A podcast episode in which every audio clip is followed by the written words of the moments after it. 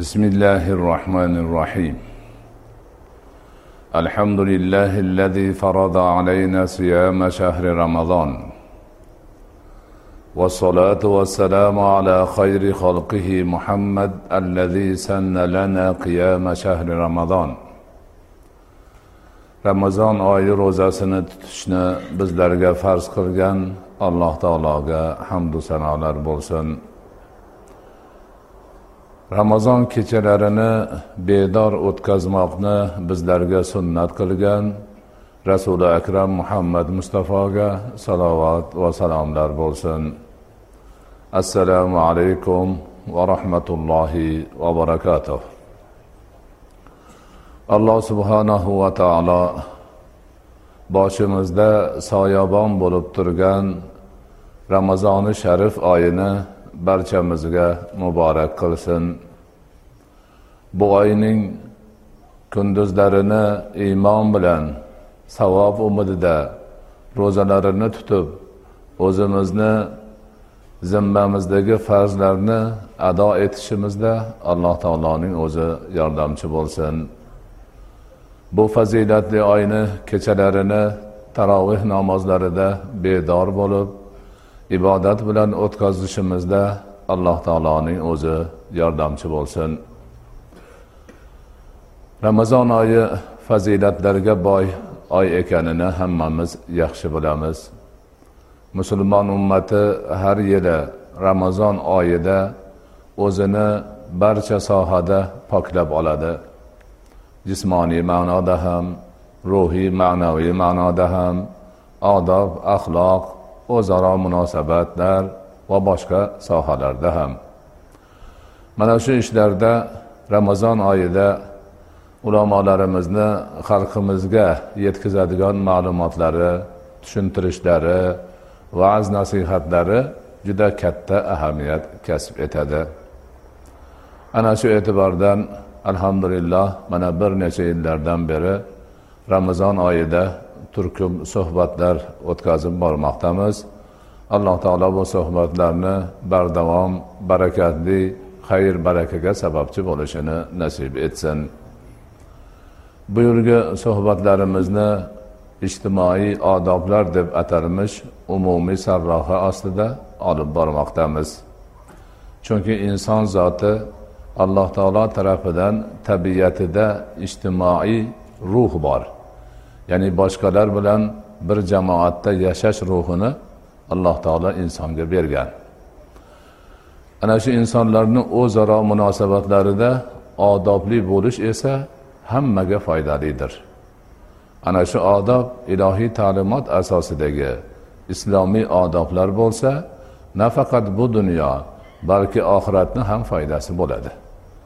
Ana shu odobga rioya qilgan insonlar oyatga hadisga shar'iy ta'limotga rioya qilganligi uchun bu dunyoda manfaat olib foydalanishi bilan birga oxiratga zaxira tayyorlab ajr savob ham jamlab oladi. Sizlarni masjidlaringizga kelguncha bo'lgan suhbatlarda mazkur mavzuni muqaddimasi va kalom odobi deb atalmish odoblar to'g'risida bir qancha demak E, ma'ruzalarni suhbatlarni o'tkazdik. Sizlarni bu aziz sahobiy usmon nurayn nomidagi masjidlaringizda maskan odobi deb atalmish islomiy odoblarni tushunchasi haqida suhbat o'tkazishni niyat qilib turibmiz. Alloh taolo bunda o'zi yordamchi bo'lsin. Buni hammamizga manfaatli qilsin. Maskan degan arabcha so'z sokinlik makoni degani. Inson sokinlik xotirjamlik topadigan joyini maskan deyiladi. Bu maskan esa uni uyi hovli joyi bo'ladi. Mana shu maskanni ham o'ziga yarasha odobi bor. Maskan inson o'zi oilasi bola chaqasi yaqin kishilari bilan yashaydigan mavqe joy bo'lganidan uni ana shu joyda sokinlik topishi uchun rohat farog'at topishi uchun huzur halovat topishi uchun bir qancha yuzaga chiqarilishi kerak bo'lgan omillar bor. Ana shuning odoblari maskandan ko'zlangan maqsadga erishishda yordamchi bo'ladilar. Islom dini inson hayotini barcha sohalarini izdan chiqib ketganini izga solib buzilganini tuzatib yo'g'ini yangidan barpo qilib go'zal bir hayotga kiritganligi borasida maskan sohasida ham juda ko'p olamshumul ishlarni qilgan. Qur'oni karim oyatlari nozil bo'lgan rasululloh alayhissalotu vassalom tug'ilib o'sib payg'ambar bo'lgan. Shariatni asoslari aqidalari joriy bo'lgan arabiston yarim orolini oladigan bo'lsak alloh taolo islom nuri bilan yer yuzini munavvar qilishdan oldin bu diyorda maskan tushunchasini o'zi yo'q edi. Odamlar chaylalarda kapalarda yashash uchun noqulay bo'lgan xonadonlarda yashashar edi. O'sha johiliyat paytini tasvirlovchi rivoyatlar hadislarga tarixiy ma'lumotlarga nazar soladigan bo'lsak hatto katta katta xonadonlarda tahoratxona degan narsani o'zi yo'q edi. Oysha onamiz boshqa onalarimizdan kelgan rivoyatlarda o'sha paytda tahoratxona yo'q edi ovloqroq joyga borar edik degan gaplar aytilgan. Shu bo'lmagandan keyin boshqa qulayliklar bo'lmasligi turgan gap endi. Insonni eng kerak demak e, narsalaridan biriki yo'q bo'lgandan keyin boshqa tarafini o'zi bilib olsa bo'laveradi. Chaylamidi kapamidi ba'zi bir devor urilgan bo'lsak ham eshigi yo'q o'rniga eshikni o'rniga bir e, latani to'sib qo'yadigan mana shunaqa noqulay holatlar bo'lgan. Bu narsalarni tuzatib insonni yashash joyini insonni qadr qiymatiga munosib bo'lishi uchun ana shu joyda ibodatini qilib bola chaqasi bilan huzur halovatda yashashi uchun sharoit bo'lishini islom dini ta'minladi. Rasuli akram sollallohu alayhi vasallam min saadatil mar'i muslimi al maskanul vasi'u val jaru salihu val markabul hani'u deb hadis aytdilar. Bu hadisni buyuk bobomiz vatandoshimiz imom al buxoriy o'zlarining adabul mufrat degan hadis kitoblarida keltirganlar.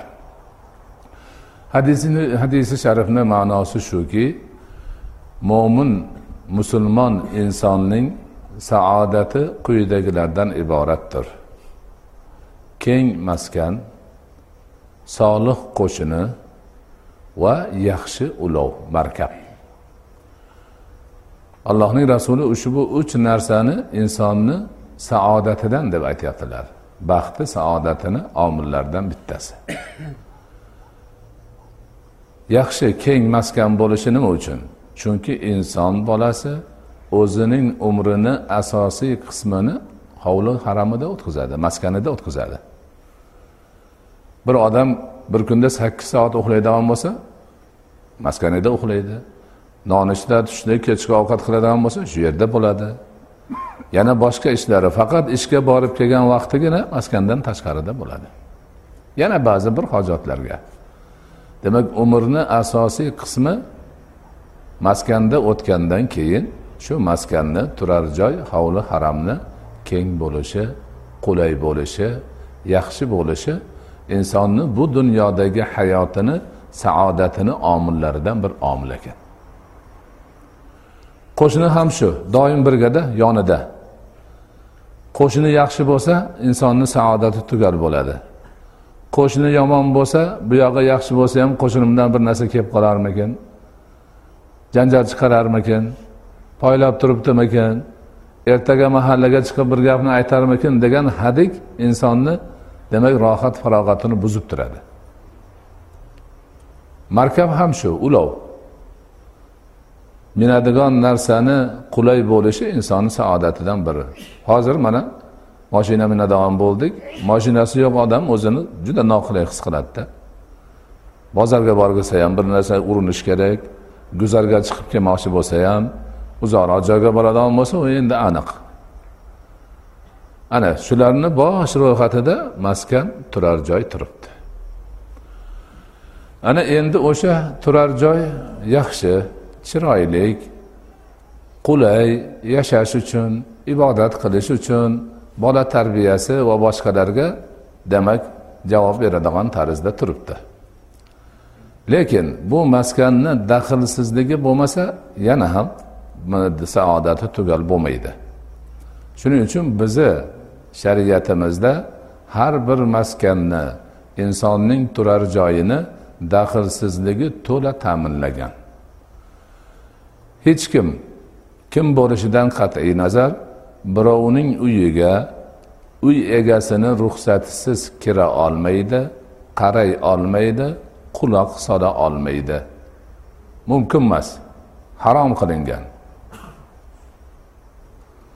Chunki maskan insonni to'laqonli ravishda hordiq chiqarish uchun xizmat qiladigan yagona joydir. O'zini uyidan boshqa joyda inson bemalol yechina olmaydi. Tahorat qilolmaydi g'usul qilolmaydi xohlaganicha demak yotib bir shamollab dam ololmaydi doim birov kelib qolarmikin palon bo'larmikin piston bo'larmikin degan hadikda turadi. O'zini uyi bo'lsa bemalol ochib kiradi. Xohlagan tarzda yechinadi yuvinadi taranadi. Xohlagan shaklda hech kimni kirishidan ko'rishidan gap otishidan yoki qarab turishidan hadiksiramagan holda to'laqonli hordig'ini chiqaradi. Inson hayoti davomida charchaydi horiydi asabiylashadi achchig'i chiqadi ana shunda o'zi holga kelsa birovni xalaqitsizi holatida dam olgisi charchog'ini yozgisi kelganda uy o'zining maskani daxlsiz bo'lsa shu narsalarni qila oladi. Ana shu e'tibordan demak bizni dinimizda xonadonlarning daxlsizligi to'laqonli ravishda ta'minlagan. Buni alloh subhanahu va taolo qur'oni karimda nur surasida o'zi bayon qilgan. Mo'minlarga xitob qilib o'z uylaringizdan boshqa uylarga uy egalaridan izn olmasdan ularga salom bermasdan turing kirmanglar degan buyruqni qilgan. Ana inson o'zini ruxsatisiz birov hech kim kirib kelolmasligini bilgandan keyin bemalol bo'ladi. Shuningdek maskanga maskan egasini iznisiz birov nazar solishga ham haqqi yo'q. O'g'rincha nazar solgan odam jinoyatchi bo'ladi. Rasuli akram alayhissalotu vassalomning hadislari bor. Kim birovni uyiga uy egasini ilmisiz nazar solib turgan bo'lsa uy egasi bilib qolib uni ko'zini o'yib olsa xun to'lamaydi deydilar. Chunki u ko'z xiyonatchi ko'z. Birovni avratini ko'rmoqchi bo'lyapti. Boshqalar ko'rmasin deb uyiga olib kirib bekitib qo'ygan narsani josuslik yo'li bilan bilib olmoqchi bo'lyapti. Ayollari qizlari kelinlariga nazar solmoqchi bo'lyapti. Yana boshqa narsalarni yomon niyat bilan niyati yomon bo'lmasa bekinib qaramaydi. Ulamolarimiz shu o'g'rincha qarash nazar solish harom ekan demak quloq solish ham harom bo'ladi deyiladi. Devorni orqasidan turib xonadon egalari uyni ichida nimani gaplashyapti eshitib olishga urinish ham xiyonat bo'ladi. Katta gunoh bo'ladi shariatga xilof ish bo'ladi. Mana shu tarzda islom xonadonlarning maskanlarning daxlsizligini ta'minlagan ana hamma yoqdan daxlsizlik ta'minlab chiroyli yo'lga qo'yilgandan keyin endi ana o'sha maskanni odoblarini ham tushuntirishga urinilgan. Avvalo maskan tushunchasi to'g'risida gap ketganda bu maskan qurish uni jihozlashda mo'tadil bo'lish tavsiya qilinadi. Chunki islom mo'tadillik dini hamma narsa o'rtacha bo'lsin. Maskan uy joy qurishda kim o'zarga o'tish maqsad palonchinikidan ko'ra yaxshiroq qilib odamlarni og'ziga tushish maqtanish faxrlanish niyati bilan bo'lsa shariat buni qo'llab quvvatlamaydi taqiqlaydi tanqid qiladi. Rasuli akram alayhissalotu vassalom o'z hadisi shariflaridan birida aytadilarki لا تقوم الساعة حتى يتطاول الناس في البنيان odamlar to kim uy qurishda kim o'zarga kirishmagunlaricha qiyomat qoyim bo'lmaydi deydilar ya'ni odamlar uy qilishda kim o'zarga o'zini rohatini ko'zlamayapti oilasini rohatini ko'zlamayapti ibodatim yaxshiroq bo'lsin demayaptida odamlardan o'zaman. Odamlar palonchini uyi zo'r ekan deb maqtasin degan niyat bilan qiladigan bo'lsa ana qiyomatni alomatlaridan bir alomat ekan. Bunga islomda demak yo'l qo'yilmaydi. Shuning uchun mo'tadil bo'lish yaxshi bir yashash uchun tahoratiga g'usliga oila a'zolarini yaxshilab dam olishiga ibodat qilishiga ovqatlanish va boshqa ishlariga xizmat qiladigan tarzda demak oila e, uchun maskan qurish uni jihozlash va boshqa ishlarni yo'lga qo'yish tavsiya qilinadi. Maskan qurish bo'yicha aytib o'tdikki avval maskan qurishda bir did degan narsa yo'q edi. Musulmonlar buni juda yaxshilab yo'lga qo'yishdi. Har tarafdan qulaylik bo'lishi uchun qo'ldan kelgan barcha choralarni ko'rishdi. Avvalgi mo'min musulmonlar turar joylarni qurganda hovli haram maskanlarni qurganda hamma uylarni eng muhtaram tarafi hurmatli joyi to'ri qiblaga qaragan bo'lar edi. Yaqin yaqinlarda biz bolalik chog'imizda ham uylarni shunday bichilar edi. Uni mehrob deyishardi masjidni mehrobidek uyga ham mehrob qilishar edi. Kirgan odam birinchi marta kirsa ham uy egasidan uylarni qiblasi qaysi tarafda deb so'ramasdan shundoq o'zi bilinib turar edi namozini o'qib ketaverar edi. Butun musulmon olamida uy qurish tartibi mana shu shaklda bo'lgan. Ana o'sha turar joylarda tahorat uchun g'usul uchun alohida hammomlar tayyorlangan joylar qulayliklar bo'lgan. Ota onalarini yotadigan yotoqlari bolalarni ko'z o'ngida bo'lmagan. Bolalarga ota ona birga yotadigan joyini ko'z ko'z qilish yo'q bo'lgan. Uyni qurayotganda o'sha begonalarni ko'zi uyni ichiga tushadigan ichida yuradigan havli haramni a'zolarini ko'radigan darajada qilmasdan ehtishom bilan odob bilan qurilgan.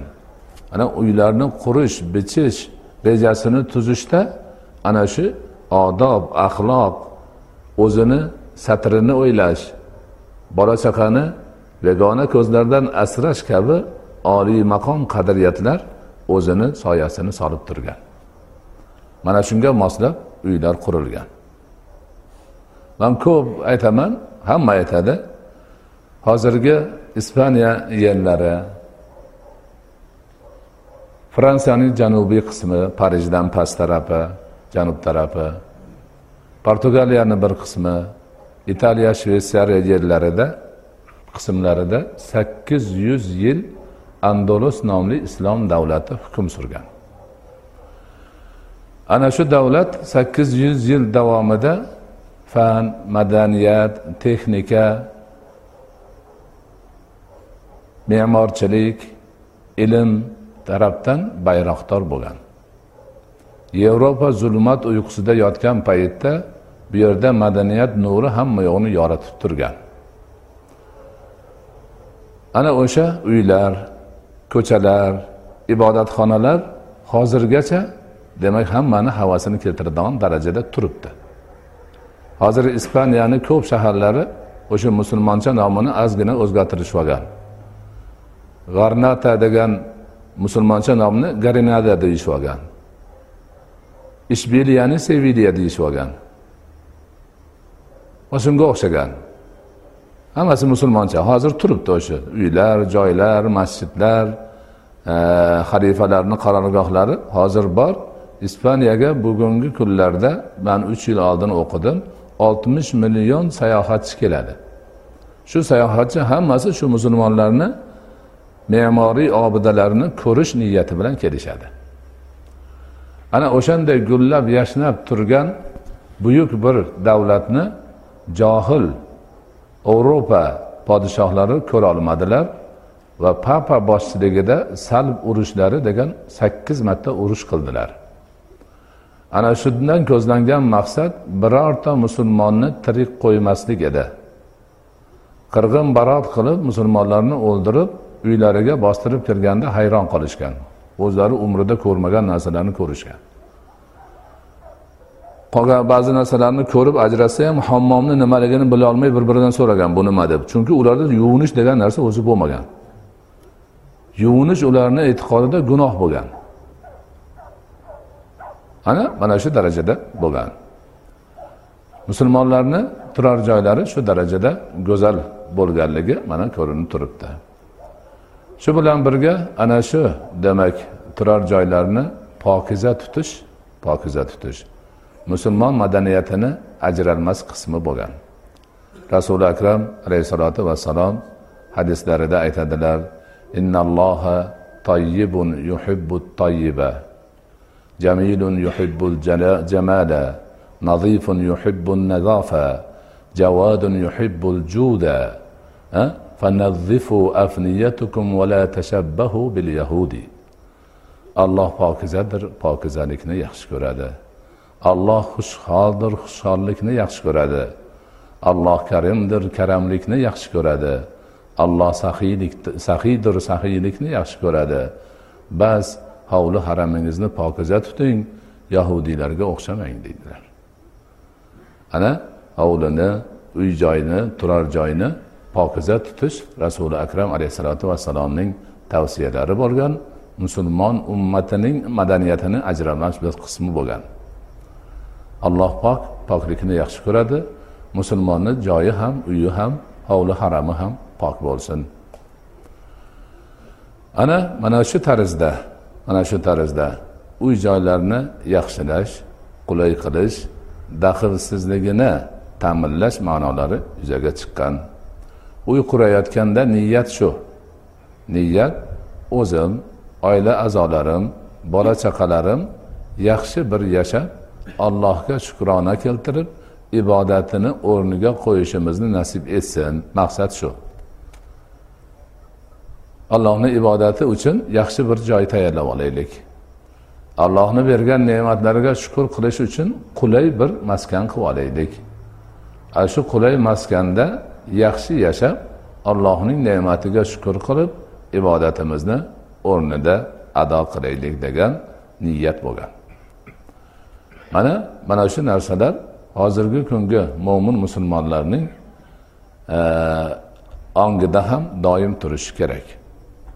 Alhamdulillah oxirgi yillarda bizda ham turar joylarni chiroyli bo'lishi qulay bo'lishi ibodatga mos bo'lishi ancha yaxshilanib xayr barakaga sabab bo'lib qoldi. Bir biridan ko'rkam yaxshi imoratlar hovli haramlar qurilyapti.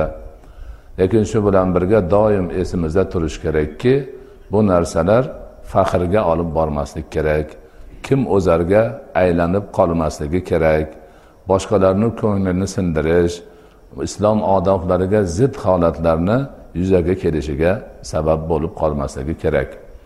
Alloh subhanahu va taolo bu ma'noda maskanlarimizni hammasini pokiza bo'lishini o'zimizni oila a'zolarimizni rohati farog'atiga ibodatiga xizmat qiladigan joylar bo'lishini doimo ollohni bergan ne'matlariga shukur qilib ibodatlarni vaqtida ado etishimizga yordam beradigan maskanlar bo'lishini maskanlarimizdagi qut baraka fayzi futuh iymon e'tiqod taqvo ibodat bardavom bo'lishini alloh subhanahu va taoloni o'zi nasib etgan bo'lsin. Va sallallohu taala ala xayri xalqihi muhammad va ala alihi va ashabihi ajmain. Bi rahmatika ya arhamar rohimin